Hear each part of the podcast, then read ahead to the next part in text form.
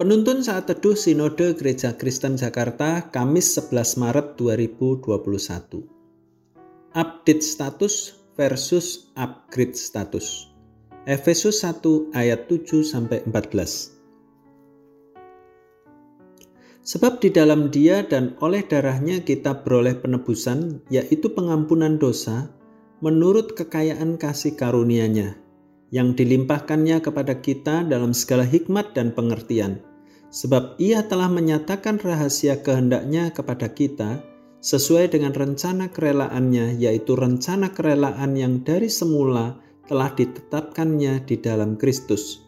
Sebagai persiapan kegenapan waktu untuk mempersatukan di dalam Kristus sebagai kepala segala sesuatu, baik yang di sorga maupun yang di bumi.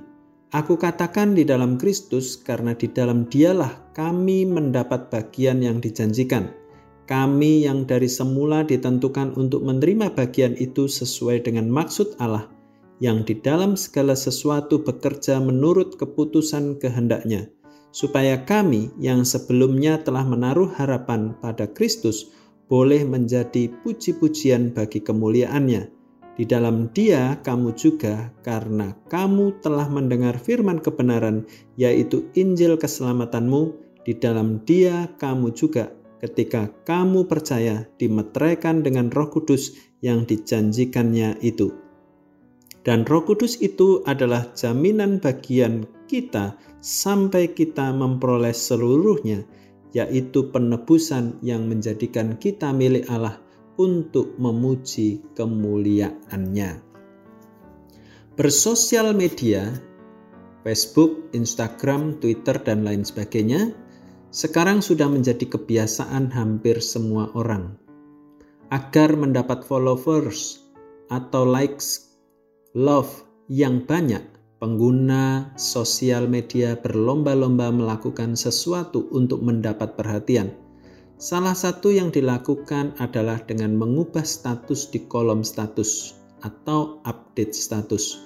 Mengubah status atau update status di akun sosial media tidak serta-merta dapat mengubah status diri orang tersebut. Keterangan status seseorang mungkin terlihat bagus dan baik, tetapi belum tentu sesuai dengan keadaan nyata orang tersebut. Maka yang dibutuhkan bukanlah update status, tetapi upgrade status. Demikian pula kedudukan atau status manusia di hadapan Sang Pencipta apa pun yang ia buat, statusnya tetaplah orang berdosa. Rasul Paulus mengatakan, "Sebab itu, sama seperti dosa telah masuk ke dalam dunia oleh satu orang, dan oleh dosa itu juga maut. Demikianlah maut itu telah menjalar kepada semua orang, karena semua orang telah berbuat dosa." Roma 5 ayat 12. Karena Adam sebagai manusia yang pertama telah berbuat dosa, maka kita semua yang dilahirkan sebagai keturunannya ikut mewarisi dosa. Jalan yang utama untuk memperbaharui status atau upgrade status dari pendosa kepada orang benar hanya dapat dilakukan oleh Yesus Kristus.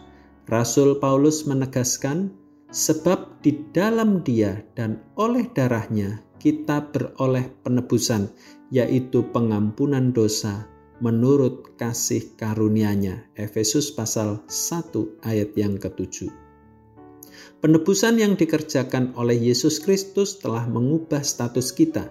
Di dalamnya, hamba dosa menjadi hamba kebenaran, anak-anak kegelapan menjadi anak-anak terang.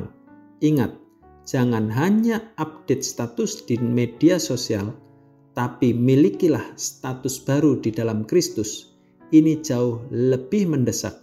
Datanglah pada Tuhan, akuilah dosa-dosamu, dan nyatakanlah imanmu. Allah akan mengubah hidupmu. Yang pasti, bukan status di media sosial yang menentukan kebahagiaanmu, tetapi status di dalam Kristus yang menentukan hidup kekalmu. Tuhan Yesus memberkati.